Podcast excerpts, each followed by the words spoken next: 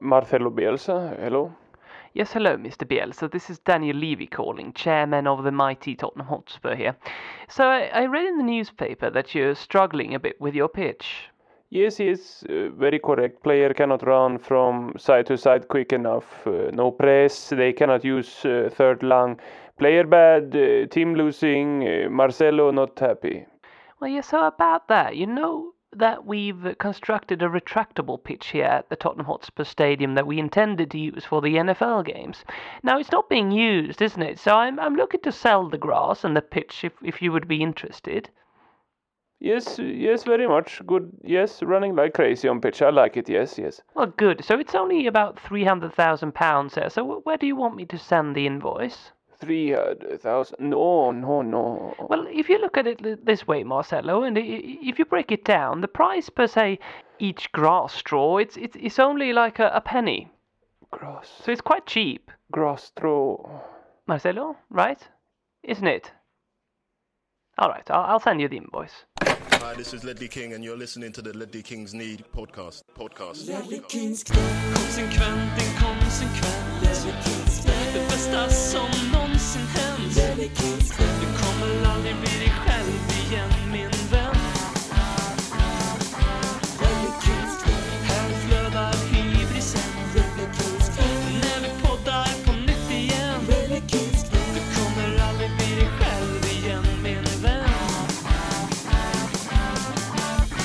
Hej och välkommen till Ledley Kings knä, den enda podcasten som kan garantera att du aldrig kommer vara dig själv igen efter att du har lyssnat.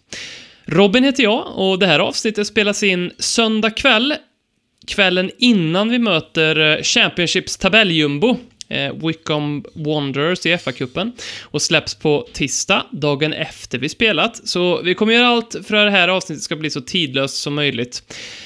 Med mig för att bjuda till den här veckan så har jag från eh, Sveriges 17 största stad bland eh, katetrar, avancerade målgester och eh, parisianska önskedrömmar. Ingen annan än mannen som delar initialer med Benny McCarthy, BM. Hur är läget?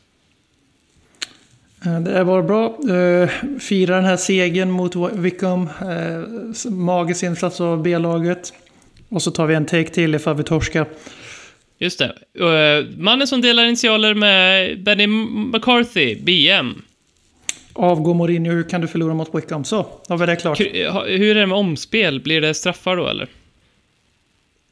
Det är en jävligt bra fråga. Det är, borde vara så när det är coronasäsong. Det har inte varit så förut i FA-cupen. Men Vi tar en till då, för säkerhets skull, ifall det är så. Så, eh, mannen som delar initialer med Benny McCarthy, BM. andra gången vi vinner på straffar. I mitt liv som Tottenham-supporter. Jag har aldrig varit med om något liknande. Det är helt sjukt. Såg du Erik Dyer drog upp den och sen upp på läktaren och firade den här gången utan handgemäng. Fantastiskt. Sjukt att Gedson Fernandes sätter en straff. Ja, den är, det är ju bland det sjukaste man sett. Det, så vi gratulerar vinnaren av vår tävling här till eh, sin Gäddan-tröjan som är, ligger i lådan.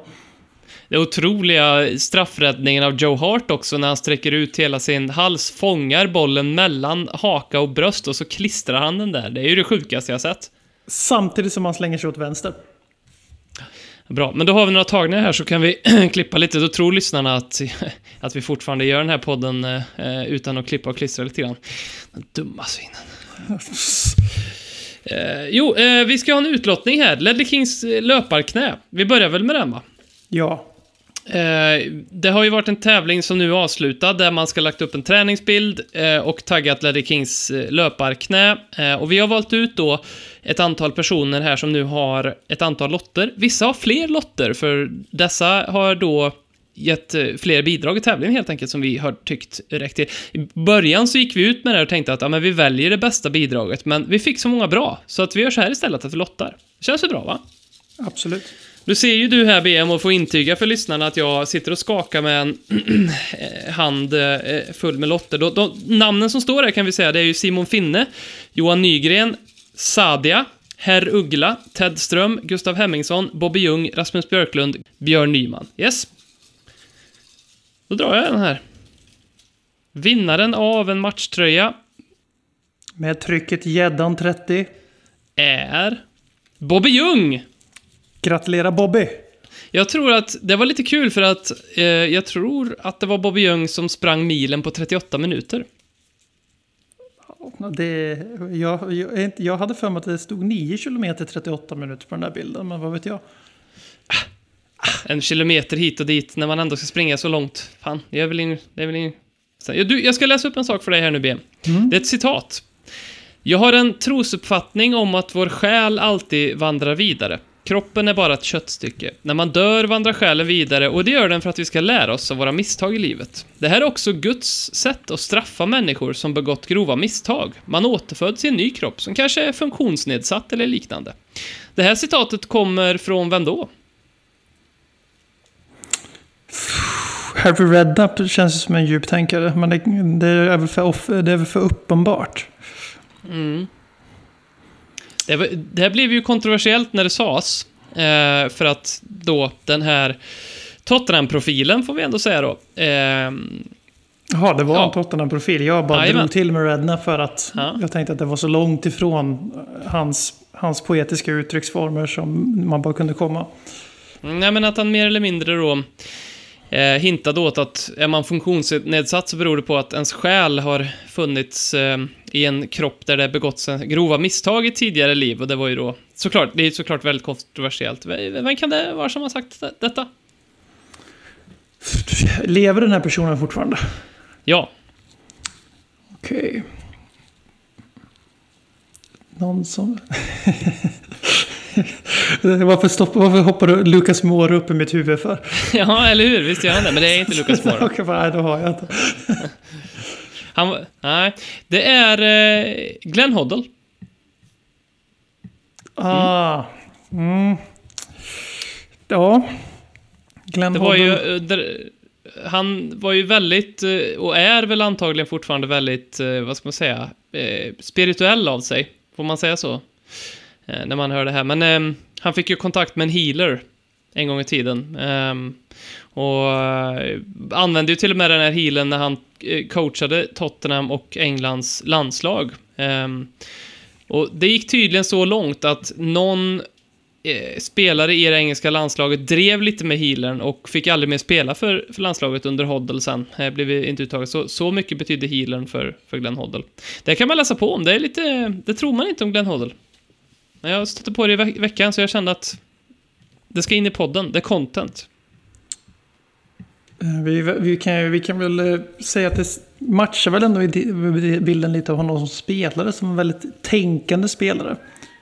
Eh, Mycket inspiration och mycket som sker på, på instinkt och samtidigt som att man, har, man kan se, man ser saker andra inte ser. Och det är väl vad han tror att han gör här. När han pratar om, när han pratar om karma och dharma eller vad det nu är, när man lever flera liv. Men du, eh, noll ligamål i de fyra senaste matcherna. Utklassade av Burnley, ligans just nu sämsta högerback. På torsdag ska vi möta dem, Liverpool. Hur känns det inför den matchen? Som att eh, det är ju så jävla lägligt att alla de här dassgängen i Premier League eh, alltid lyckas ha ett eh, appointment inbokat med just Dr. Tottenham precis när krisen är som värst och man bara behöver ett lag till som slår in den sista jävla spiken i kistan. Eh, Ja, då kommer Dr. Tottenham och löser alla dina problem. Så vi kan väl förutsätta, eh, förutsäga att eh, Liverpool vinner, gör tre, hänger minst tre.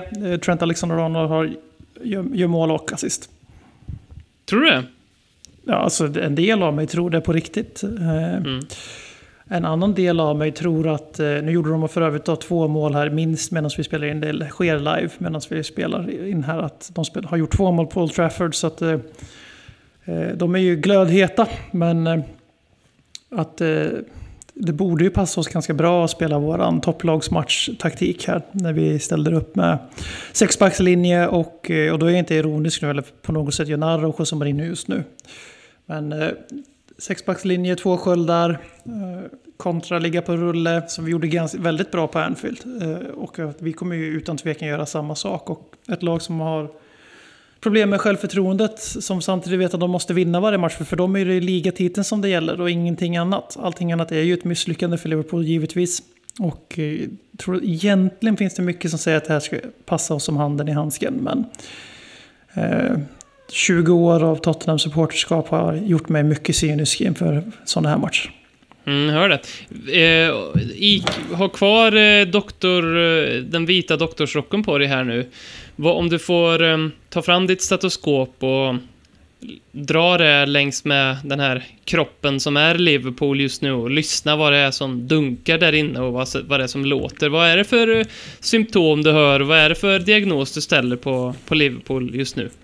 Hybris. Jaha, den här du pratar om fotbollslaget. Mm, vi kan ta supportrarna sen. Eh, ja, alltså vad ska man säga? Det är ju... eh, Till att börja med Liverpool, eh, som vi var inne på lite när vi gästade LFC-podden faktiskt. Att, eh, eller när vi gjorde våran crossover. Sist det begav sig för typ fem veckor sedan. eh, när vi var top of the League, så som United så stolt är just nu. Och oj vad de kommer vinna ligan bara för att de le- leder ligan i två omgångar. Mm. Eh, Med hängmatcher hit och hängmatcher dit. Men det är ju helt enkelt så att de har, de, cykeln är slut. Som vi lanserade ju den teorin i LFC-podden och blev helt nedskjutna på en gång. Just det. Att eh, det absolut inte var så. Eh, jag Hur hade du mage? Jag tycker ju att det är så. Eh, Jag tycker det visade sig redan i förra säsongen, slutet. De hade ju i och för sig redan säkrat ligatiteln då. Eh, Och de tappade ju ganska mycket poäng med sina helt sjukt högt ställda mått förra säsongen. Efter omstarten av Premier League. Och såg rätt dassiga ut i ganska många matcher.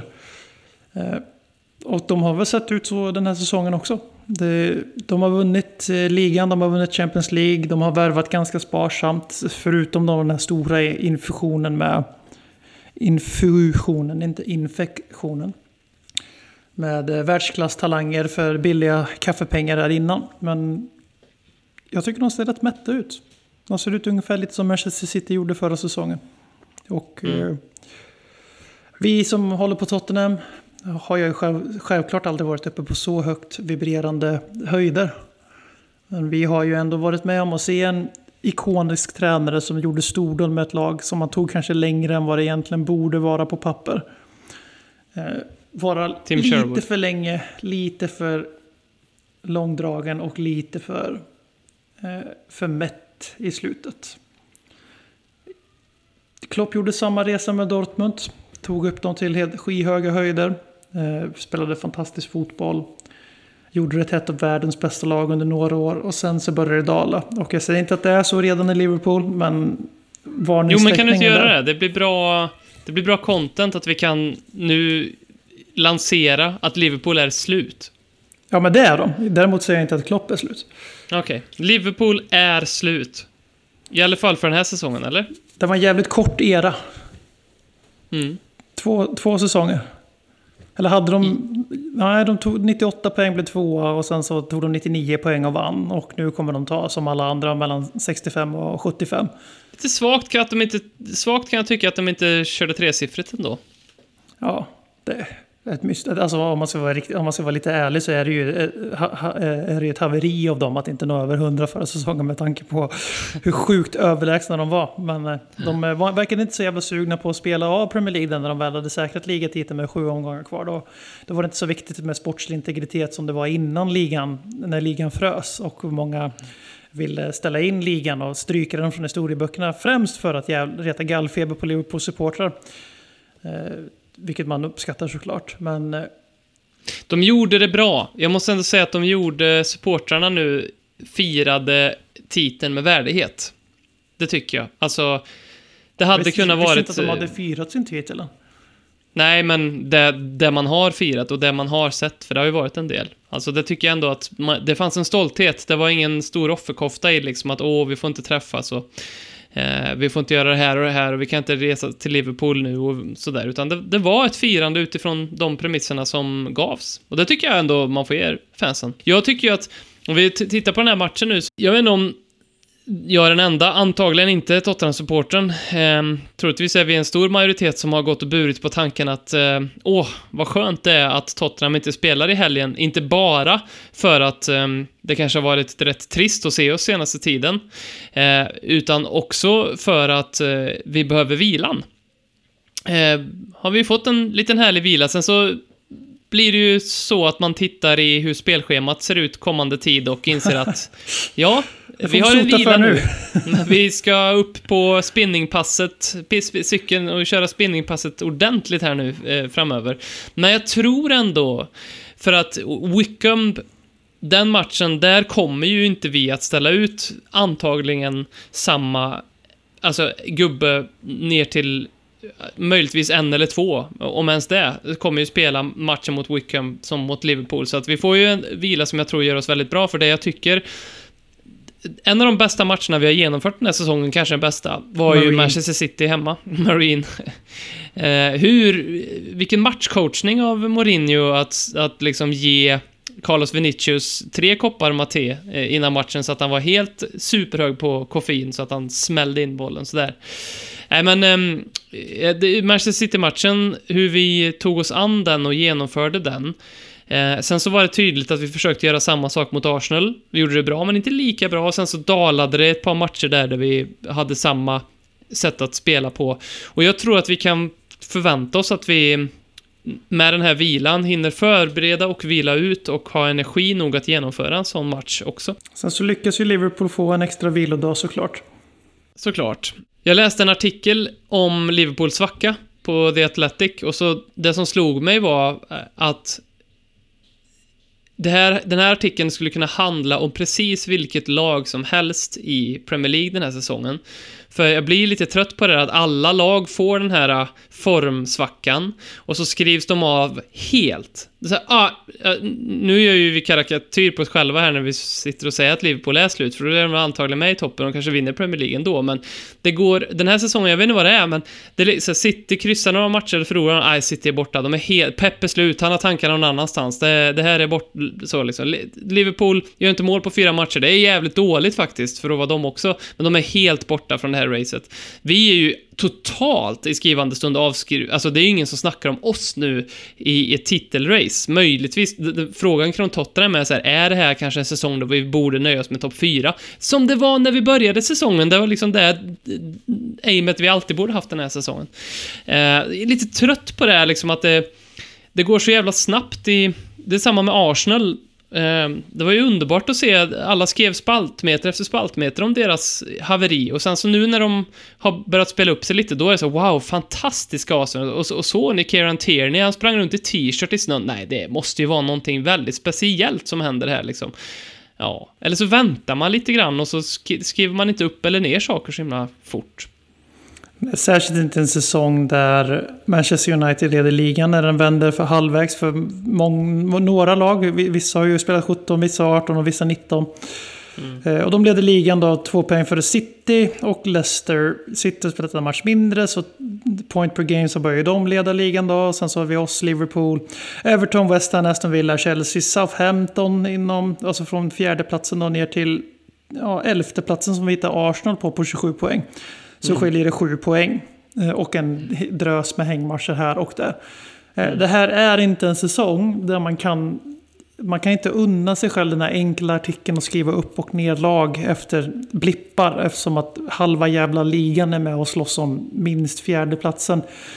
Eh, Och ja, det ser ut som om man ska vara helt ärlig att United, City och Leicester de har gjort ett litet ryck för de har faktiskt ganska långt ner till Chelsea på nionde plats med 19 spelare. Men det, är- det, det är en sån säsong. Alltså det, vi, vi kan sluta etta, Tottenham alltså, och vi kan sluta tia och allt, det är fan mig exakt lika rimligt idag där vi sitter eh, här och nu. Och det är inte för att vi ligger fem och alltså mitt emellan ett och tia, utan det är för att det kommer vara så här jämt, uppenbarligen. Och eh, det är många enkla poäng som har hämtats in. Och det jag tror vi hade en diskussion med Anders sist. Eh, supportrar ska hålla på så. Vi ska, jorden ska rasera. Himlen har fallit ner när Tottenham förlorar tre raka. Eller gör ett mål på tre matcher. Eller spelar skittråkig fotboll en månad.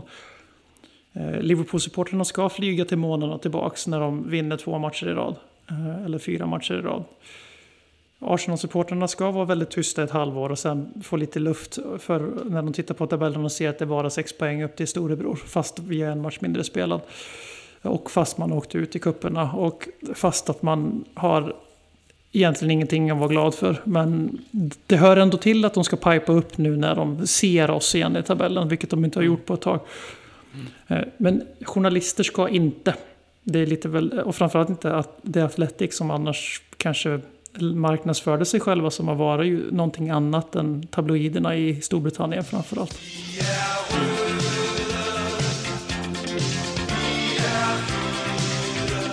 Hej, mitt namn är Christian Eriksson. Jag är sieben och halvfjerds år gammal och jag spelar på bänken i Inter Milan.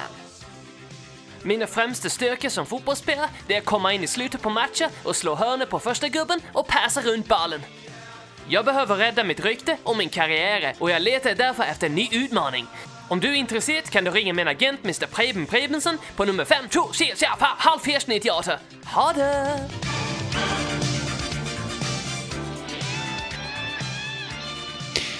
Du var inne på Dr. Tottenham förut.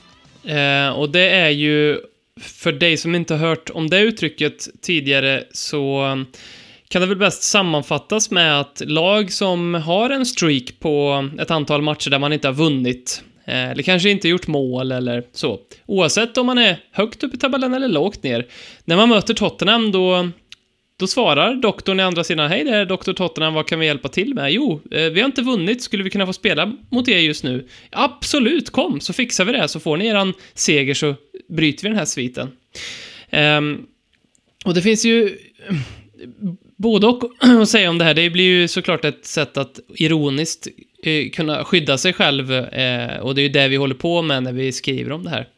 Eh, jag satt och tänkte lite på det här. Jag har kommit fram till en sak som jag vill testa.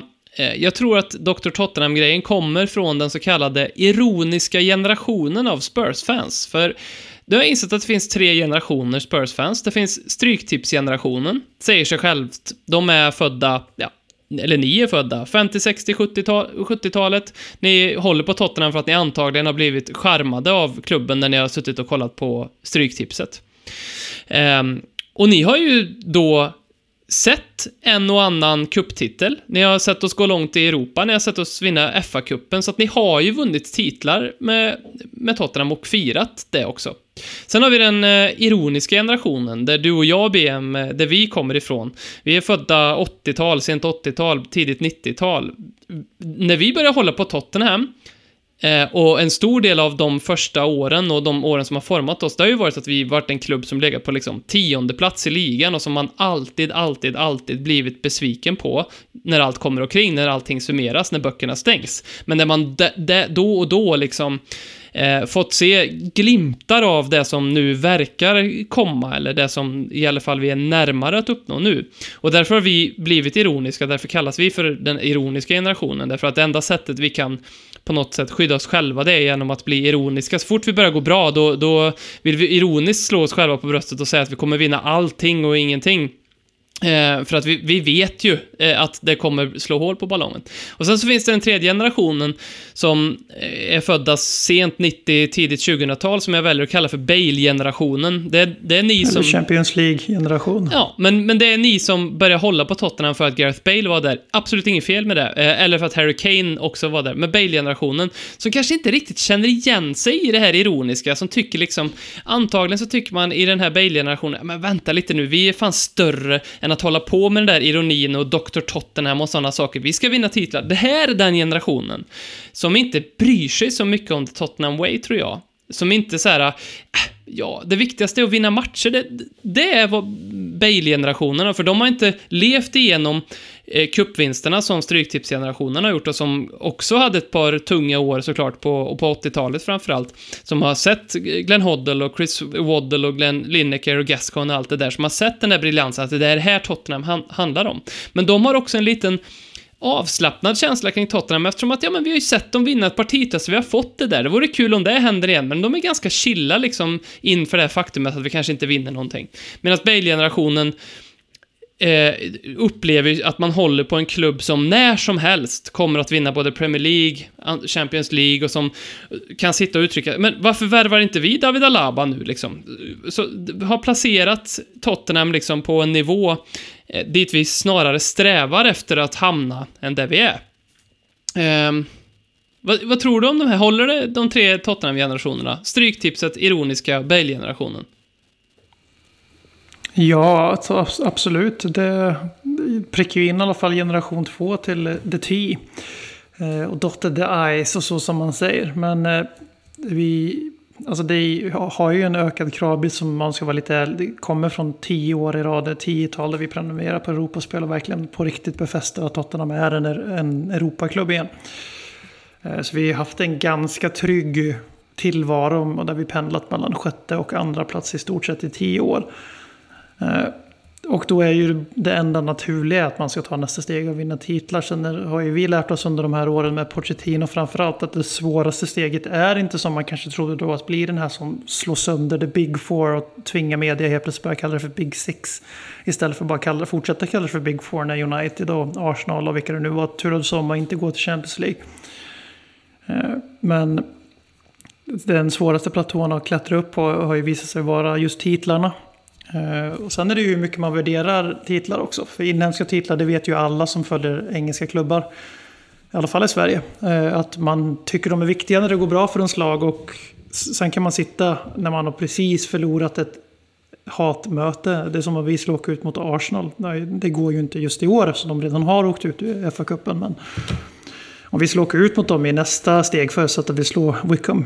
Eh, eh, Då, det är ju mening, då, är det, då, är det, då ska man ju inte sitta en minut efter visslan och säga äh, det, var, det är bara en kupp. Det är kul att vinna men det, det gör ingenting om man åker ut. Men det är väl lite där den här nya generationen är. Man är väldigt pragmatisk i sitt supporterskap. Om- Alltså om man nu går efter dina tre definitioner här. Eh, Och jag tror du är på vägen här mot den här större filos- filosofiska diskussionen om the Tottenham way. eh, Det Mm. ideologiska. Vi kan väl ta, jag vill bara smyga in då med Linus Holmgrens fråga. Eh, som är att spela The Tottenham Way eller vinna en eller två titlar, vad väljer man? Jag förstår att behovet av att spela en fotboll som identifierar oss är viktig, men känslan av att vi kanske kan vinna en stor titel i år kan inte vara större än hur vi spelar. Även fast man är pessimistisk känns det som chansen på ligan är realistiskt mycket mer än tidigare år. Och då är ju hans eh, To Dare Is To Do och The Tottenham Way egentligen, går de ihop? Jag tror att vår generation, den så kallade sarkastiska eller ironiska generationen, eh, är ju att vi har ju inte haft någonting annat än att hänga upp Tottenham på. Så jag tror, att jag tror generellt att vår generation kanske är mer fäst vid Tottenham än många andra generationer av Tottenham-supportrar. För vi, vi levde inte när Tottenham spelade The Tottenham Way och vann titlar minst en i decenniet, liksom, eller årtiondet. Eh, vi levde inte när Tottenham var the talk of the town och bäst i England och bäst i Europa. En klubb alla såg upp till och ville spela som. Eh, vi levde inte när push and run infördes av Arthur Rowe och blev liksom standard i fotboll. Att man passar till någon och sen så springer man förbi nästa linje så man kan få bollen igen och bollen rör sig framåt hela tiden. Eh, vi var inte där kring första världskriget när Tottenham var världs, eller världskända, var, nu tog jag i lite, men var väldigt omtalade för sin attraktiva fotboll för den tiden. Eh, Och vi, var, vi har däremot varit där när Pochettino spelade offensiv modern pressfotboll. Som egentligen inte är någonting det Tottenham Way att göra. Eh, Förutom att det är en attraktiv fotboll enligt de flesta. Eh, Men det är väl, för oss är det helt enkelt kanske viktigare än många andra.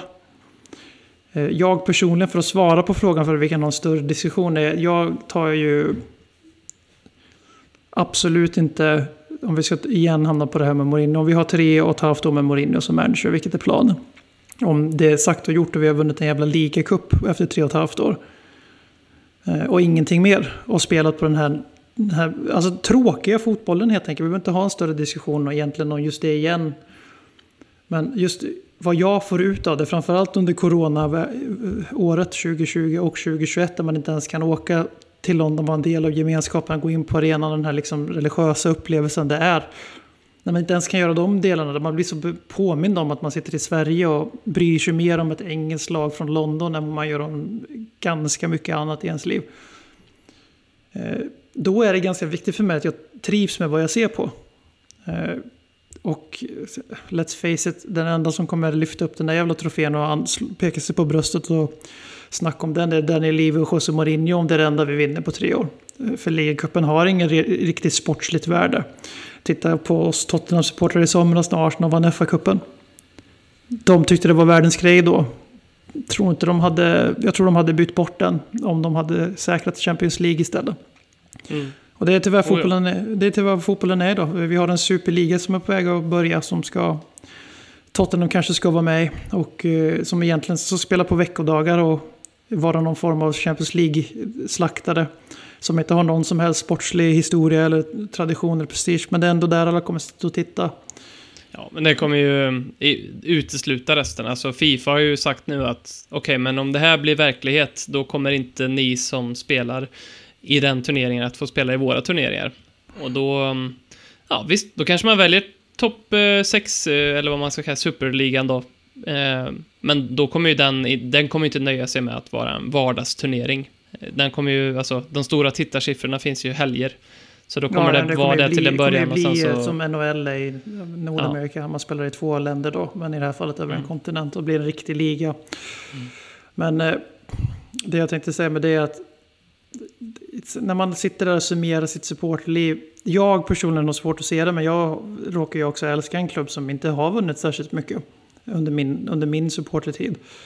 Knappt under min levnadstid. Och jag menar, jag har svårt att sitta och tänka att jag kommer ligga där på dödsbädden på något äldre, ålder, ålderdomshem 2050 säger vi. Eh, kanske lite ungt. 2050? Kanske lite Jaha, ungt. vad har du tänkt?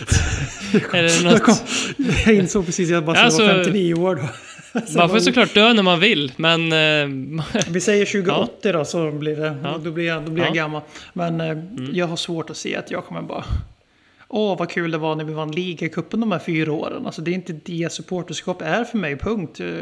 Jag har bott stor del av mitt liv i Lidköping som vann sina första titlar de senaste åren. De var ju mer likt Tottenham innan det liksom. Charmigt lag och ut, utmanade ibland men nådde aldrig hela vägen fram. Och hade inte vunnit ett skit för typ fem år sedan och nu har man vunnit SM-guld och kuppen man, alla cuper man kan vinna i stort sett. Gått till final flera år i rad. Och liksom så, det är inte det som är grejen. Ja, den första gången det var jävligt pampigt. Och det är fortfarande den enda då. Men eh, jag vet inte, för mig är supporterskap helt enkelt någonting annat. Så det var mitt långa, långa sätt att säga att om jag bara får en skiten liten buckla här och där så ser jag hellre att jag kan identifiera mig med Tottenham. Och det gör man ju ofta via den här relativt krystade då, The Tottenham Way. Och jag tycker att, eh, för att sätta punkt på diskussionen bara, att eh, man får inte växla ihop To There Is To Do med The Tottenham Way. The Tottenham Way är på något sätt lite så här myten som är omöjlig att sträva efter. Vi får aldrig försöka liksom, för det har ju tränare efter tränare sagt att ja, det är jättesvårt att så här ha som mål att spela attraktiv fotboll.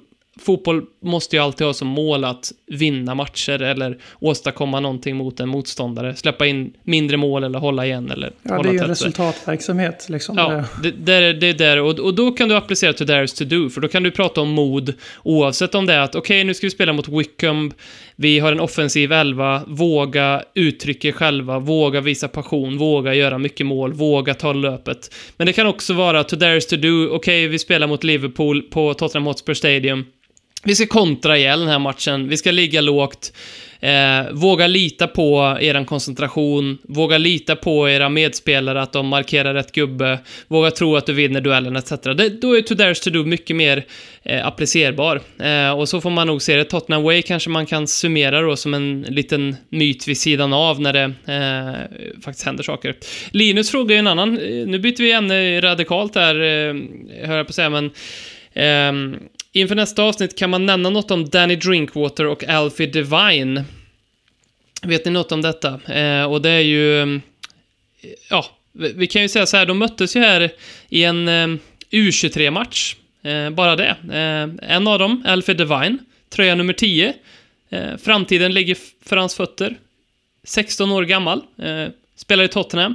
Danny Drinkwater spelar då för Chelsea, 30 år gammal. Spelar med U23-orna i det här fallet. Inte riktigt gått så jättebra för honom de senaste åren. Inte spelat för A-laget sedan 2018, tror jag läste rätt. Och sen har haft två ganska misslyckade lån till Aston Villa och Burnley.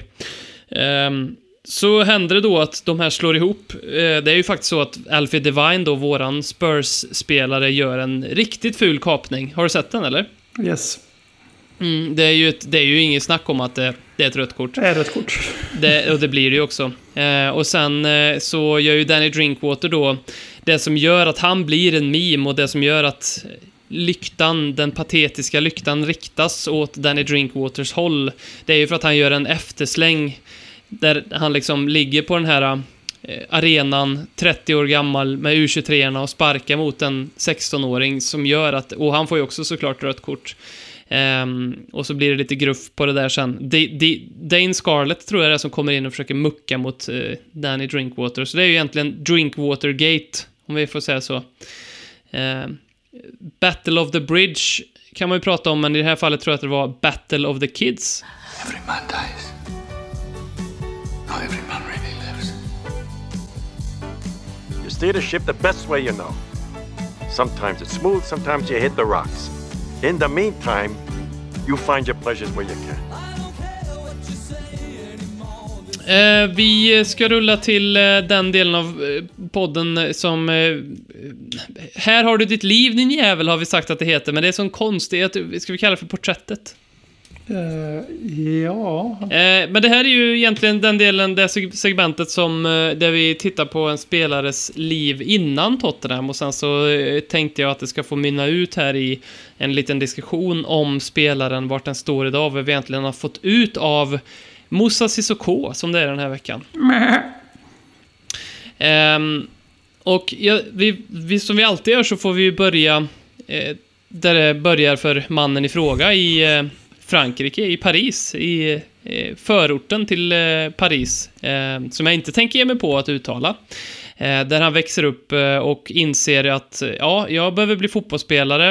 Eh, det är liksom den enda chansen jag har för eh, att inte hamna eh, på fel sida av lagen eller eh, något så. Fattig familj, syskon, eh, tre systrar, eh, en mamma som jobb, eh, är hemma och en pappa som är eh, klassisk kollektivare, som ju definieras av att man duschar efter jobbet. Eh, annars så duschar man ju innan jobbet om man är tjänsteman då. Eh, och jag tänkte lite på det, för det var förbaskat svårt att hitta saker om Moussa Sissoko. Och då ser jag lite, vi var inne på det med Glenn Hoddle förut här, att ja, men hans personlighet på plan eh, är ganska synonym med personligheten utanför plan. Och så tycker jag det är med ganska många fotbollsspelare. Eh, Robbie Keane, alltså man, man, det räcker med att kolla på Robbie Keane för att ta ett exempel, och så förstår man direkt hur han har det utanför fotbollsplan. Sergio Reguilón, alltså man ser, man, när man ser han på plan, man ser hur han lever sitt liv. Ben Davis. Och jag tycker också det finns ett case som är ganska tydligt om man tittar på Moussa Sissoko. Hur lever han egentligen sitt liv? Det finns inte så jättemycket att, att hämta, men, men lite kul har, vi, har jag ändå hittat. Um, vi måste ju börja med hans två fina smeknamn som han hade när han växte upp. Det ena var DIY, alltså Do It Yourself.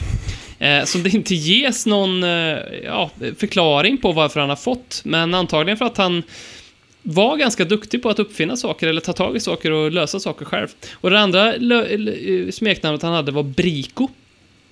Eh, som då är en cykeltillverkare, därför att han alltid cyklade runt på en eh, cykel av märket Brico, och då fick han eh, smeknamnet. Brico. Ehm, han, hans föräldrar var från Mali. Sätter du vem den andra Tottenham-spelaren med Mali-koppling är? Fredrik Canoté. Såklart. Sätter du de fem största franska städerna sett till folkmängd? Paris. Mm. Marseille. Mm. Jag är osäker på om det här är en stad, men Lyon. Mm. Tre. Nu har du, du har satt rätt, två till nu. Eh, Tyvärr är det ofta så i fotboll att de, de klubbarna som är störst är oftast kopplat till storstäder. Förutom i tysk fotboll uppenbarligen. Eh, Så det är därför det är relativt enkelt för mig. Men nu börjar det bli tufft här som ni märker. För nu står jag medan jag tänker. Och det skulle kunna vara... Jag vill säga Bordeaux utan att ha någon aning om den är tillräckligt stor. Nej, Bordeaux är inte med på topp fem. Ja, då, då, då gick jag ju beta. Vilka är de två jag hade kvar då? Nantes. Den, den ena är ju Hugo Lloris-orten, Nice. Nice. Mm. Jag tänkte Eh, och- säga Nice efter jag hade sagt Bordeaux. Och den andra är ju Toulouse. Ah, för helvete. Den borde jag listat ut med tanke på vem du pratar om bara. Oh, Okej. Ja. Eh, och eh, vi kommer ju till det för att eh, innan han ska slå igenom i Toulouse, Moussa Sissoko, lila-vita klubbar. Det är inte många lag som spelar lila-vitt alltså. Vet du vart eh, Toulouse spelar sin fotboll just nu? I... Nej, det vet jag inte. Eh, De, eh, om jag, de ligger... De åkte ur Ligue 1. Så mycket vet jag. Och eh, ja, jag går in snabbt här och kollar på tabellställningen. Ser att de halkar runt. De ligger inte ens på uppflyttningsplats just nu i vad jag bara kan anta heter League 2. League 2. Eller League Ja. 2. League dö. League 2. Ja, League 2. Ja. Ehm, en sak som händer i den här anspråklösa uppväxten som Moussa Sissoko har, det är ju att han tittar på fotboll eftersom att han inser att det är ju enda vägen ut och eh, börjar för, följa ett lag i eh, Premier League, eh, i norra London faktiskt, som han fattar tycke för. För där spelar ju Patrick Vieira, så att där och då blir ju Moussa Sissoko en, eh, ja, han blir Arsenal-fan. Och det är ju mycket på grund av just Patrick Vieira eftersom att han också inser att det är ju den typen av fotbollsspelare jag kan bli med min fysik. Ehm, Så att det är ju faktiskt Patrick Vieira som han har modellerat i alla år. Ehm, Innan Toulouse ska vi också säga att han har spelat för Röda Stjärnan Paris. Hade jag inte en aning om att den klubben fanns, visste du det? Eh, Jag har hört det förut. Men att han ska ha spelat för dem har ingen aning. Jag trodde ju också att ehm, detta hade någon form av liksom så här En kommunistisk koppling. Ja, kommunistisk koppling. För Frankrike var väl ganska, de har väl ganska starkt kommunistiskt fäste efter andra världskriget. Men det var det inte, det var det inte alls. Det var Jules Rimet, den gamla Fifa-presidenten, han som eh, VM-bucklan uppkallad efter. Eh, han grundade den här klubben. Jag vet inte vart de är och harvar nu. De kanske möter Toulouse här vilken dag som helst. Vem vet? Eh, där ju då Moussa Sissoko slog igenom. Och eh, då kommer en till fråga här till dig, VM. Ehm, det är tre spelare du ska lista ut som ju faktiskt då Moussa Sissoko spelade tillsammans med i Toulouse som har spelat, eller spelar kanske, i Tottenham. Vilka kan det ha varit? Oj, oj, oj. Som, de måste, om, då måste de ju vara relativt gamla. Om de spelade med honom där. Eh, för de har ju inga Wonderkids som vi har värvat på senare tid. Så det är inte till exempel en Dombele som man skulle kunna gissa. Han är fostrad i Lyon kanske. Men, eh, jag kommer att gissa att de är fransmän. Ja, det här är en liten paus. Det här är inte mitt svar. Men jag har för mig att det fanns en ganska bra FM-spelare för några år sedan som hette Momo Sissoko. Som jag tror spelade i Toulouse. Han gick till, har spelat för Liverpool. Men det kan jag ta eh, ur luften nu och ha helt fel på.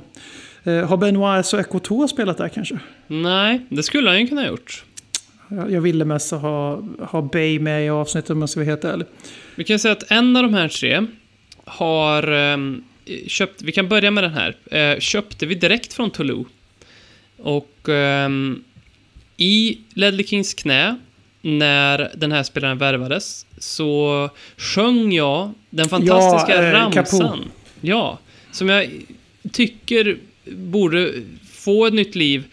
Etienne Capu Capu, he came from Toulouse to win. En fin ramsa. Jag tänker på en av dem. Den andra är faktiskt en spelare som vi har i truppen idag. Serge Arié. Jajamän, han och Sissoko hängde ju i Toulouse. Spelade där samtidigt. Och sen en tredje då. Eh, och det här är ju faktiskt då... Det blir ju kanske lite lätt här nu, men det är, annars är det helt omöjligt för dig att lista ut det. Men det är ju en svensk. Va? Mm. Vänta nu. En svensk som har spelat med Sissoko, i i Toulouse, Toulouse. Ja. Men En som- match i Toulouse gjorde den här svensken. Ja.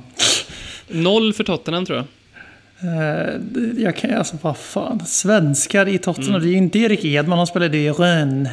Nej, den här svensken var Visste ju du att Rennes har, har celtiskt eh, folksursprung? Alltså de har till och med celtiska tifon. Alltså keltiska, jag vet inte vad celtic Jaha. är engelska. Det är, det är passus. Eh, du tänkte säga något? Ja, den här svensken är... När jag växte upp och höll på Tottenham, då var han ansiktet utåt för svenskar i Tottenham. Jon, ja men ja, Jon Jönsson för guds skull. Jag Ja. satt och undrade om du, om du hade snöat in på Olof Toivonen, alltså värmlänningen slash närkingen. Jag är lite osäker på vad Degerfors räknas som Ja, egentligen. De- Degerfors är en, en värmländsk ort nu, eftersom att de åkte upp i Allsvenskan. Eh, I jag alla har år också de var i för mig att de Superettan tillhör. Örebro län, men Ja, det- Värmland, Värmland som landskap. Har vi någon beefare där ute som lyssnar även på vår podd så får ni jättegärna klara ut det här. För det är viktigt för mig ifall jag eventuellt återvänder till Värmland och vad som är ortens lag i, Ja. i Sverige. Ja, men, ja, men De- Degerfors ligger ju i Värmland, men tillhör Närke län. Ja, det, det är ju grekiska. Så Nej, men att, eh, Jönsson såklart, ja. ungdomsproffset Jon. Mm. Vad fint, fint att han ändå har spelat, Och, eh, spelat med Tull Han spelar även med Johan Elmander. Ja. Det kanske Nu var Elmander jag tänkte här på. linjen. Ehm, och eh, det gick ju så bra i Toulouse att en viss eh, Harry Redknapp ville värva Moussa Sissoko 2009 för att han ville spela honom tillsammans med eh, Wilson Palacios. Eh, Eftersom att vi då hade sålt eh, Didier Sokora. Ehm, och då ville han ju ersätta honom. Han fick ju faktiskt ingen ersättare till Didier Sokora. Hade ju varit en ganska bra ersättare. De är ju lite lika ändå spel som fotbollsspelare. Tycker jag. Men han gick ju till Newcastle istället, Cissoko. Ehm, och tränades av eh, stora namn som bland annat då Alan Pardew och ehm, Rafa Benitez. Eh, Benitez och Moussa Sissoko som lite otippat fick en ganska fin relation. Benitez gjorde ju till och med Sissoko till kapten där ett tag. Ehm, och har pratat i efterhand om vad mycket Sissoko hjälpte andra spelare i laget, särskilt eh, nyförvärv, att komma in i stan och, och klubben. Och det är ju faktiskt någonting som vi har hört nu i framförallt eh, Serge Aurier och Tanguy Ndombélés fall att Sissoko har tagit dem fint under vingarna och hjälpt dem in i Tottenham. Sen så har jag en härlig anekdot från tiden i Newcastle, som jag vet inte om du minns det, men det finns en eh, incident då Moussa Sissoko har tacklat en spelare och eh, den här spelaren ligger på marken och han ska hjälpa honom upp. Spelaren vägrar gå upp så Cissoko blir trött och tar i ganska mycket och i det så drar han upp handen ganska snabbt så att den råkar slå till domare Mike Jones i ansiktet så att han blir knockad. Det här ser så otroligt dråpligt ut och komiskt ut, så kan jag rekommendera att titta. Och vem är det då som eh, Moses Sissoko försöker dra upp från marken? Om inte Paolo Gazzaniga. Eh, och vem som tränar Southampton då, som Newcastle möter vid den här tiden, det är ju såklart Maurizio Pochettino. Och i slutet av den här matchen så får ju Tony Jiménez rött kort för att han bifar med eh, någon Newcastle Dito, tror jag på, på bänken. Eh, lite hetlevererat möte.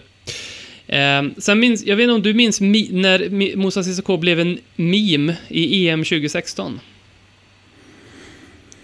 det är ju, alltså Alltså, jag vet att han finns med på GIF, eller GIF-filtret från EM 26, men jag kan inte komma på den specifika händelsen du hänvisar till här. Ja, men det är ju då att... eh, vet inte vilka Frankrike möter här.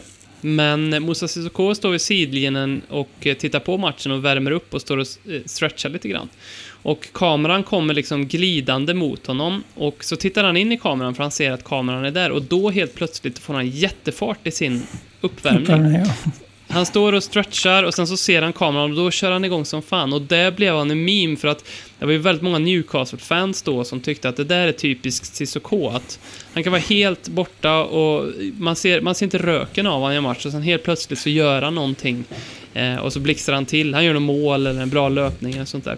Det är otroligt vad han har förändrats från, för det, det stämmer ju väldigt om Newcastle. Det märks att han i Newcastle såg som en mer offensiv pjäs, alltså någon som eh, skulle bidra med poäng och sådär. Och så kontra med hur man ser det i Spurs där han är Mr Dependable, där man vet exakt vad man får honom alltid. Eh, Och snarare liksom eh, beklagar sig över hans bristande potens offensivt. Så det är häpnadsväckande att se. Det här börjar ju faktiskt måla upp bilden av en ganska komplett fotbollsspelare. Han Mm. är kanske ganska, ganska så mycket bättre än vad han får, än vad han får cred för. Just för att han spelar en så begränsad roll i Tottenham. Ja, jag kommer till det snart. Ehm, för att bara avsluta det här så, kom ihåg Deadline Day 2016 när vi, jag tror inte vi hade gjort några mer värvningar. Möjligtvis att vi tog Vincent Jansen den sommaren, eller om det var sommaren innan kanske. Så um, norpade vi ju Cissoko framför näsan på Everton. Eh, och jag tror de flesta Tottenham-fans bara så här, va? Va, va, vad ska vi med han till? Och hans första säsong i Tottenham var ju, den var ju hemsk, den var ju bedrövlig. Han har ju också sagt att det här var ju, det är ju den absolut värsta tiden i mitt liv. Och då är det ju en Cissoko som är väldigt alltså, an, normalt sett väldigt tillknäppt och tyst och inte gör känsloyttringar i intervjuer. Men här har han sagt då att det här var, det här var den absolut värsta tiden i mitt liv, min, värsta punkten i min karriär den säsongen när jag inte kunde slå igenom med Tottenham. Och snabbspolar då till att det började så och sen att det slutar eller inte slutar, men att han sen, hans namn sjungs på Amsterdam Arena för att när Lucas Moura har gjort hattricket 3-2 och vi slår ut Ajax och går till Champions League-final. Vad är det man sjunger på Amsterdam Arena och vad är det man sjunger i omklädningsrummet? Ja, det är inte Lucas Moras namn. Det är inte Pochettino, det är Åh, Musa Sissoko. Så det är liksom, hans resa har ju varit ganska häpnadsväckande i Tottenham. Jag skulle vilja likna honom lite med en N'Golo Kanté-typ. De är ju fruktansvärt olika som eh, fysiskt sett, eh, men som spelare är det egentligen två, där Kanté såklart är, är bäst av de två, men de, de ska fylla samma position. Men det var det jag tänkte jag skulle fråga dig. Va, va är, vilken är egentligen CCKs bästa position, tycker du? Sittande mittfältare, eh, barnvakt och Serge så att vi får faktiskt se de ganska bra egenskaper Serge har. Som, alltså han är ganska väldigt bra offensiva instinkter. Sen slutprodukten är sådär, men han gör ganska mycket mål vill jag påpeka. Men säger du här nu för att, för att det, alltså, du tänker på Orier? Eh, det enda sättet jag ser Moses Sissoko ha en plats i laget. Och han är också mm. väldigt bra på att uh, erövra boll. Han är väldigt bra fys fysiskt. Han är Eh, väldigt positionstrygg. Eh, han är inte en right-winger längre. Som som han kanske var för några år sedan. Eh, han kan spela där. Han, är, han, han, han gjorde det här ganska nyligen. Men då blir man mest besviken för att vi har Gareth Bale, Erik Lamela och Steven Bergwan. som kan spela där. Men han, man, alltså man ser, alltså det, det, var väl någon gång förra säsongen han hade, gjorde, gjorde han mål två matcher i rad. Då utgick han ju ja. lite högre ibland. Det var magiskt. Då trodde man att José Mourinho kunde få, kunde få vad som helst i handen Tottenham. Moses Sissoko, som jag absolut inte säger med fullständig kärlek och respekt för hur bra och viktig han är för Tottenham. Hur han har visat år efter år efter år att vi fortfarande inte riktigt är redo att lämna honom utanför laget och, och samtidigt presterat på vår högsta nivå. Vi kanske närmar oss det nu när Eh, Höjbjerg är här och eh, Mourinho har börjat laborera med Höjbjerg och Ndombele centralt på fältet och lita på att vi är defensivt kompakta ändå. Mm. Men fram tills det, som vi har sett en match med det vill jag påpeka, mot Sheffield United som är historiskt usla, så har ju Moussa Sissoko varit helt opetbar. Och hans totala oförmåga framför målen nästan bara gjort honom mer mänsklig, för att han är ganska omänsklig i sin löpkapacitet Eh, sin, eh, han har ju, hur många gånger har vi inte sett honom gå ner för räkningen match? Man, det var väl någon säsong här, det kanske var förra säsongen också. När han, alltså man tydligt ser att han drar någonting, alltså baksida eller någonting. det syns jättetydligt. Jag tror han till och med spelade färdigt matchen och sen var, var knappt borta efter det. Medan Kane hade liksom varit borta ett halvår. Mm. Eh, så det, det, är en jag är väldigt glad för Moses Sissoko att det här skämtet han var med den ironiska Who needs bail when you got Sissoko.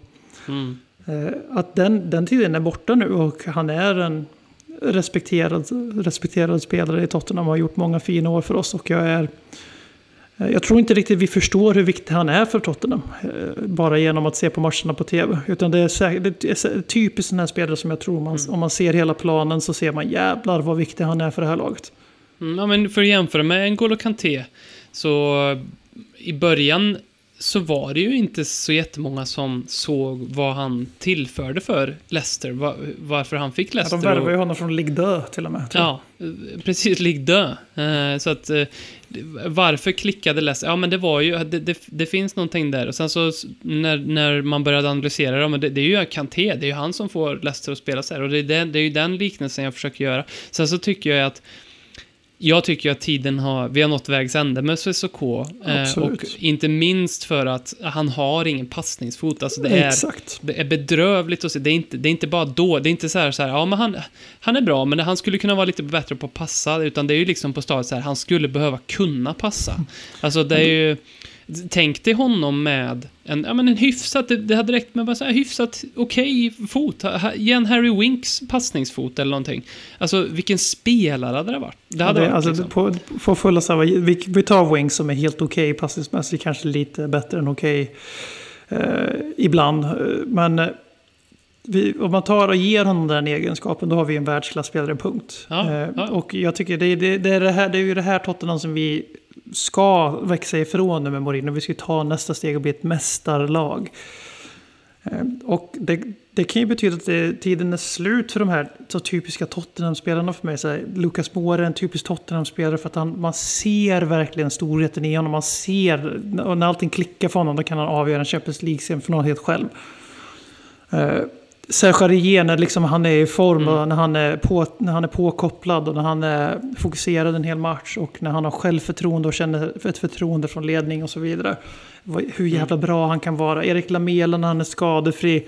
eh, när han är, när han är liksom, man har, han har den här matblicken i ögonen och eh, han inte tar en sekund eller två för länge på sig att släppa bollen varje gång. Och, man ser verkligen varför vi värvar de här killarna nu. För att de har världsklassegenskaper och det de egentligen behöver fixa till är så enkelt. Både i Lamela, Lukas och eh, Ariers fall så är det beslutsfattandet.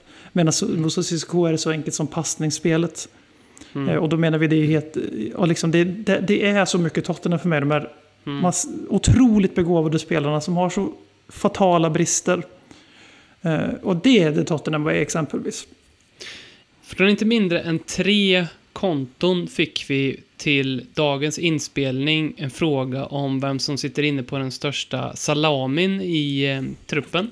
Och eh, från kontot eh, Salmo Fatso, eh, han skrev... En Det klassiker. borde, det borde vara... Ja, det- det är en klassiker. Salmo Fatso, du är en klassiker.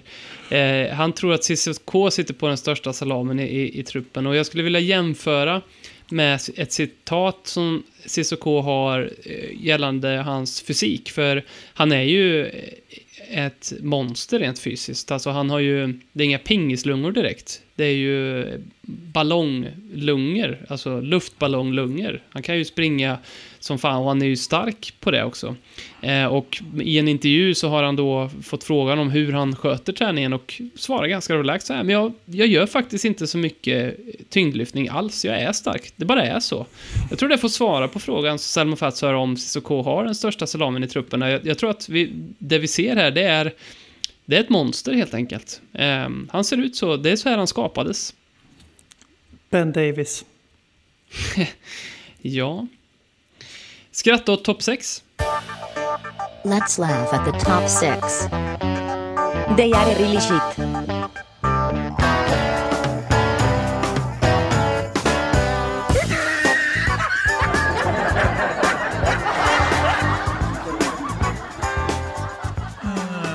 Manchester United-fansens... Alltså helt otroligt. Alltså, minns tillbaks för några veckor sedan när de låg sjua, eller vad fan de nu gjorde som du var inne på förut, och vi låg etta i ligan. Och så jämför du deras svansföring med våran nu och svängningen de har gjort med Ole Gunnar kontra vad vi inte gjorde med José Mourinho till, till våran eh, baksida. Vi har ju fått lite bakläxa där att den här podden inte bara är till för de som tycker illa om José Mourinho. Eh, och så tänker man bara liksom, det är så vackert att se den här klubben som tror att de har haft det svårt sedan 2013. Och eh, eh, det är så vackert att se hur, hur det vi har suttit och anklagat Liverpool-supportrar för i flera år, att de bara ploppade ut från ingenstans där ungefär september, eh, december 2018 när de tog, gick förbi Tottenham och blev Manchester Citys eh, rival. De tog den platsen från oss och gick om oss. Och sen eh, rätt mycket längre också för den delen. Nu är ju United-fansen samma sak. Eh, Och därför kan inte jag låta bli att skratta åt det, trots att de dundrar på som en jävla bergståg i ligan, slår ut Liverpool i FA-cupen. Eh, För vi vet att när de kommer till sin semifinal i FA-cupen så åker de ut. Och när det ska avgöras i maj, juni, juli, augusti, när fan nu den här säsongen är slut, så vet vi att det kommer vara ett lag som har blåa detaljer som lyfter bucklan. Och eh, inte Chelsea då. Eh, Nej, inte som Chelsea. jag eh, tänkte skratta åt lite för att det kom ett Erling Haaland-rykte i veckan. Och då bara inser jag, vi pratade om bodybuilding här innan, och jag har fastnat i allegorin här att Chelsea har ju själva hamnat i det läget som många killar på gymmet har, som gymmar ganska mycket och sen så inser äh, fan jag vill ha resultat nu. Jag köper anabola steroider. Och så blir de så stora som de hade blivit ifall de hade gett sig manken till ett par år och gett med rätt kost och allting. Men då blir de istället på två, tre minuter. Och den loopen har ju Chelsea fastnat i för att det de här killarna måste göra är att liksom, men de kan ju inte hålla igång de här musklerna genom att träna, utan de måste ju pumpa i sig mer steroider och mer steroider för att liksom hålla de här musklerna vid liv. Och på samma sätt så måste ju Chelsea nu, där Chelsea har hamnat långt ner i tabellen, eh, med ett lag som har kostat otroligt mycket med Kai Havertz och Timo Werner som floppar, ja, kanske de största flopparna i modern tid faktiskt. Och det enda sättet de, det enda de ser, det är sprutorna. Det är det enda de ser. Vi måste ta anabola steroider. Vi ringer in Håland. Det är liksom, det finns, det finns inte den här helikopterblicken att, vänta lite nu, hur kommer det sig att vi, vi öppnar plånboken så här som vi gör och köper det här laget och så hamnar vi nia? Vad är det egentligen som är problemet här? Ja, men jag tror inte att det är så här, ja men bara vi köper en världsklasspelare till, då kommer det. Um, det, det, tycker jag är lite lustigt och, och med Chelsea just nu. Sen så vill ju Simon finna att vi ska ge eh, Liverpool-podden lite Twitter-tips. Um, och jag tror att det är väl läge att ja, vad ska vi säga, BM Liverpool, de är ju inne i en jättetung period, så jag tror inte att vi ska vara särskilt tuffa mot dem nu. De ligger ju faktiskt ner. Eh, och den, alltså det mörker som den klubben och den supporterskalan just nu går igenom, det är ju... Ja, jag, jag vet inte om det är någon klubb, någon supporterskala någonsin i historien av modern fotboll och då skulle jag vilja gå tillbaka så långt som Uh, sen fotbollen började, alltså liksom, när den började komma till. Alltså jag tror inte att någon har upplevt en sån tung period som Liverpool-fansen, klubben, spelarna just gör just nu, eller vad tror du? Det är svårt att se. Alltså det, är bara, det är bara att titta tillbaka på vad, vad, vad klubben själv basunerar ut. Liksom. This means more. Ja, mm. det är, just nu finns det inte så mycket more, utan nu är det ganska mycket less. Och som vi sa förut, det är väl tur att de ska träffa Dr. Tottenham. För vi har väl sällan skådat ett lag som har varit så stor, i så stort behov av att möta Dr. Tottenham just nu. Vi, ja. Vem bryr sig om ett Wigan som har förlorat 17 matcher i rad för några år sedan? Eller Sheffield United som var en prime candidate och få en injektion av Dr. Tottenham. Men som lyckades på något sätt vinna två matcher i rad eh, innan de mötte oss. Det än var i kuppen. Mm. Liverpool fick inte den frälsningen utan de, istället fick de se eh, Premier Leagues minst sympatiska spelare Bruno Fernandes skickar ut dem i FA-cupen. Ännu en ja, titel, drömsläkt. Tänk den skiten de, alltså Liverpool och Liverpool-fansen har gått igenom här senaste tiden och sen så åka ut mot United, alltså det är ju... Jag vet, alltså jag vet om jag skulle vilja sträcka mig till och med att det är ut, alltså kanske världshistoriens största mörker som ligger över Liverpool just nu. Jag undrar om människor någonsin haft det så här tufft. Det kommer tryckas böcker som kommer delas ut i lågstadieklasser om detta må ni berätta. Liverpool-svackan 2021. Alltså, jag förstår inte hur svenska Liverpool-poddar orkar podda ens. Alltså, ja. Vilket mörker. Som sagt, torsdag. Det ljuset i tunneln, torsdag.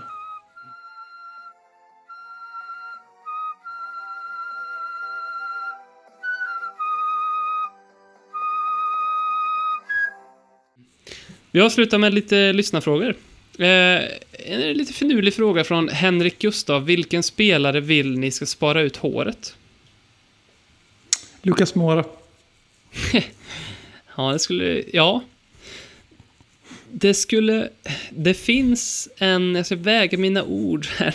det finns en person eh, som eh, har som som har sprungit på några gånger då och då, som har den frisyren. Om Lucas Mora skulle spara ut håret, det finns faktiskt ett exempel på det. I, och det ser, ja, jag, jag vill också svara Lucas Mora.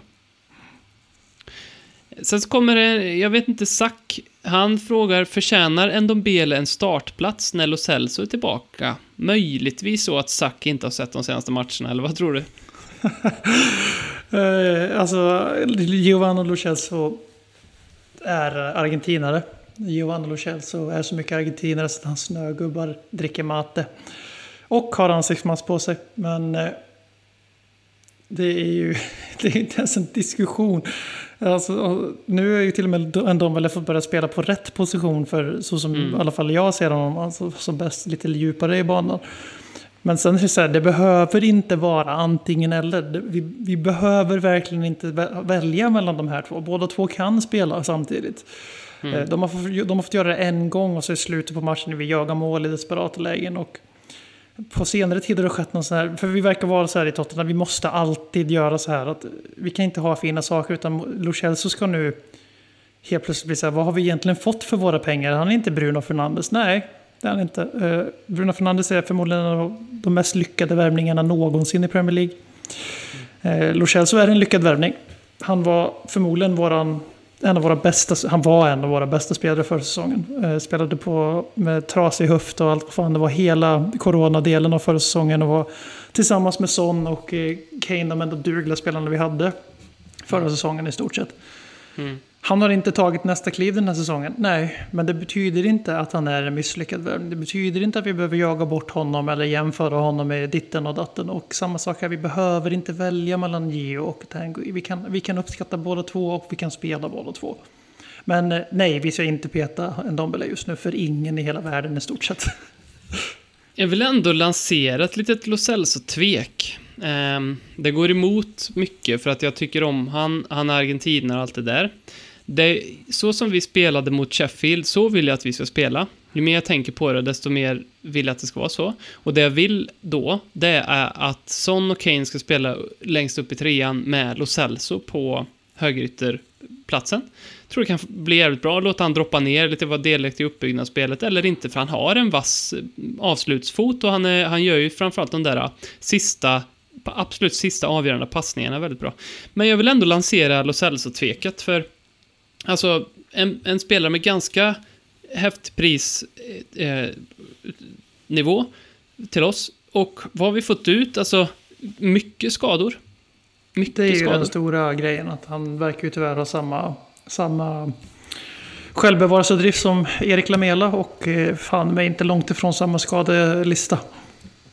Alltså, och, och då... Jag... Nej, det, är egentligen ser jag ju på Lamela med samma sätt, men han har ju bara liksom gått full circle på något vis eftersom han har varit där så länge och betyder så mycket som en kulturbärare. Som jag ju ser att Lo Celso absolut också skulle kunna bli, för, för det finns ju där. Det är inte bara en, en trevlig spelare, utan det är ju också en fighter eh, som jag tror kan sätta jättebra prägel på kulturen och väggarna i klubben. Men jag tycker vi ska bromsa det, helt ärligt. Om, om inte han tar sig ur sin, sitt skademörker, så varför ska vi ha kvar? Det- Helt ärligt. Framförallt inte om Mourinho nu väljer att man måste spela med en av Ndombele och Giovanni. För då är det ganska tydligt vem man ska välja idag i alla fall. Mm. Ett konto som heter Standardpanel. Eh, undrar om rättigheterna till nya arenan, har vi hört något där? Har du, har du hört något? Har de ringt dig och frågat? Ja, däremot så kan jag, kan jag bekräfta att eh, förhandlingar förs med eh, Leddy Kings knä. Just. Och eh, watch out, kanske blir Leddy Kings Ja. knä stadium. Om man, ja, jag tycker liksom att vi skickar ett par mejl. Det betyder ju liksom, alltså jag tycker man kan tolka det som en förhandling. Ja, men han sa ju att han läser varje mejl han får, Danny Levy. Så. Precis. Jag är lite förvånad över det här att inte vi har gett arenan ett namn. Och antagligen är det för att Livi väntar på rätt bud. Och eh, väntar ut corona framförallt just nu tror jag. Ja, men ändå så är ju det, borde ju det, för jag tittade lite, vi har ju nu då eh, bokat om Lady Gagas konsert och Guns N' Roses till i år. De skulle spelat förra året på vår arena. Eh, så nu kan vi, har vi det att se fram emot, eh, att de ska spela på Tottenham Hotspur Stadium. Och jag tänker ju liksom, vi behöver ju pengar. Så jag är lite förvånad att inte Livi är ute och försöker få till det här nu, för att han har ju ett riktigt jävla bra S i rockärmen, eller säljknep, för jag såg någon Foo Fighters dokumentär här nyligen och de refererar till, och det är inte första gången de gör det, de, de säger bara liksom lite spontant, ja, ah, kommer ni ihåg när vi spelade Wembley? Um, och Muse, alltså, det har väl blivit utsatt till typ den bästa konserten någonsin, Muse Wembley-spelning. Och jag menar, då att, att Livi går till typ Amazon då, Eh, som egentligen, det är väl Amazon det snackas om, och säger, hörni, vet du vad, vi ska ha två ganska mäktiga konserter här nu. Eh, vill ni att det ska minnas om Lady Gagas konsert på Amazon i London, eller ska det vara Lady Gagas konsert på Tottenham Hotspur Stadium? Alltså, nu är det, är det väl, jag, det, det är därför jag är lite förvånad att det inte har hänt någonting mer. där än. Men det kan ju också vara för att de här bolagen har pausat diskussionerna, för det är ju ändå typ 250 miljoner pund det snackas om att de, de här namnrättigheterna kostar. Då. Ehm, Det annars Så är nej. väl just Amazon är väl, Amazon är väl annars en ganska eh, prime candidate för att, för att det ska kunna bli dem. Med tanke på dokumentärserien och sen även det där unika samarbetet med Spurs shoppar via Amazon eller vad fan det nu var för något. El Jocko, om du och din partner inte kunde få barn på grund av dålig sperma, vem i Spurs skulle ni ta emot en sats från och varför är det inte Lamela? Ja, Elioko, du känner mig allt för väl. Ja. Eh, vet, man vet ju att Harry Kane är otroligt viril och potent. Han har väl 8-9 barn vid det här laget va? Man skulle ju tagit Kane om man inte hade fått sin son. För han är ju lite som eh, sin namne. Eh, ja, de är inte namne, men eh, typ namne. Henry, Henry, kung Henry den åttonde som hade problem med att få en pojk som var tvungen att Mm. Och startade en ny religion fru och efter lite fru tills han religiösa till krig. slut fick sin tronföljare. Mm. Och, så Harry, och Harry, känslan var ju att Harry Kane så här väldigt vill, ville säkra den där pojken. Harry Kane Jr, som han ju inte heter. Ehm, och, och då kunde man tagit han så skulle man ha liksom sagt att så här, ja, här. Kostar Harry. Jag tänker man vill ju ha, man tänker man vill ju ha nå- någon som, någon som man kanske eventuellt kan, eh, kan eh, ha samma, eh, vad ska man säga här nu utan att det blir liksom gen- genetik. Men man vill ju ha någon som kanske kan bära fanan vidare och representera Tottenham i framtiden. Och Mm. då måste det vara en bra spelare i truppen helt enkelt. Så jag tar Ben Davis. Då får han bättre hårfäste än hans eh, adoptivpappa. Kommer du ihåg den norska fotbollscoachen som blev viral för något år sedan när han... Eh, eh, han coachade ett lag i typ norsk, långt nere under tippeliga eh, i, i Norge. Eh, han la, skulle kunna ha varit. Han la ut ett klipp eh, som blev viralt för att han bad om hjälp att få Zlatan, Cristiano Ronaldo och Paul Gascoignes sperma. Därför att han tyckte att sina egna spelare var för dåliga och för feta, så att han ville inseminera deras fruar och flickvänner i detta, så att de kunde avla fram en helt ny generation av spelare. Ehm, jag vet inte hur det gick för honom. Eh, lite intressant grepp. Råkar du veta om alkohol, alkoholism är, har vissa genetiska betingelser? För i sådana fall så ifrågasätter jag valet om gassade. Ja, precis. Ja. Sista frågan från Hedmaster. Vem gömmer sig bakom kontot Kjell Henriksson? Eh, Det är ett känsligt ämne. Eh, Vi har väl vissa känningar. Eh, Mm. Kan jag säga så mycket som att eh, personen som, personen som gömmer sig bakom Kjell där är ju inte med i podden idag. Eh, Lyser med sin frånvaro ganska mycket men har ganska starka åsikter. Och eh, eh, ofta ganska träffsäker i sina åsikter och även eh, lite, lite, ger ibland lite intrycket av att inte vara så snabb på tangenterna och lite frustrerad över tekniken. kan ju säga så här att eh, vi vet ju vem det är nu. Vi, de senaste dagarna har det skett dramatiska ut, eh, de har varit dramatiska i, i sin utveckling. Um, det ena pusselbiten efter den andra lades på plats i vår, ja det är ju faktiskt vår dyraste utredning någonsin um, om vem det är som ligger bakom kontot Kjell Henriksson på Twitter. Och vi vet. Um, och vi håller på just nu att lansera i vår shop, uh, bland koppar och t-shirts, ett, uh, ja men en eh, artikel som är köp Kjells identitet och det som man gör då är att man mot en peng får ett sms med, med namnet helt enkelt. Ehm, och en IP-adress. Och- så det håller vi på att jobba på. Tänk om Kjell Henriksson skulle varit Kjell Henriksson bara. Ja, och vilket det absolut skulle kunna vara. Eh, Då är det synd om karln. Men eh, det, nej, det- Jag skulle vilja gå så långt och säga att absolut inte är så. Eh, med det sagt så sätter vi punkt för ännu en vecka Ledley Kings knä. Eh, grattis än en gång Bobby Ljung. Som inte bara springer milen snabbt utan snart gör han det också i en valfri Tottenham-tröja. Det här gör vi tillsammans med supportersplace.com. Eller hur BM? Man Korrekt. kan välja hemma, borta eller eh, gröna tröjan. Och man kan välja tryck eller sådär. Och det får Bobby göra. Eh, det löser vi tillsammans. Något annat vi borde påminna om nu? Tottenham, Liverpool. Just Stormötet. Missa inte den. Två lidande supporterskador gör upp i Derby della Miseria. Och jag tycker ändå är lite ett hån mot Liverpool att säga att vi lider i, alltså jämfört med vad de går igenom just nu. För det är alltså oj, oj, oj, oj, oj vad de går igenom. Vi har det, vi har det trots allt ganska bra här i, det- i, i Tottenham-lägret. Tänk på det nu ni som går ut i den här veckan när ni liksom kanske får en parkeringsbot eller om ni råkar bränna maten på plattan eller glömma en räkning. Alltså, tänk vad skönt det är att inte hålla på Liverpool just nu och slippa det som de går igenom. Det kan man ha med sig som en liten härlig tanke. Tack ska ni ha. Ajöken. Tack, tack.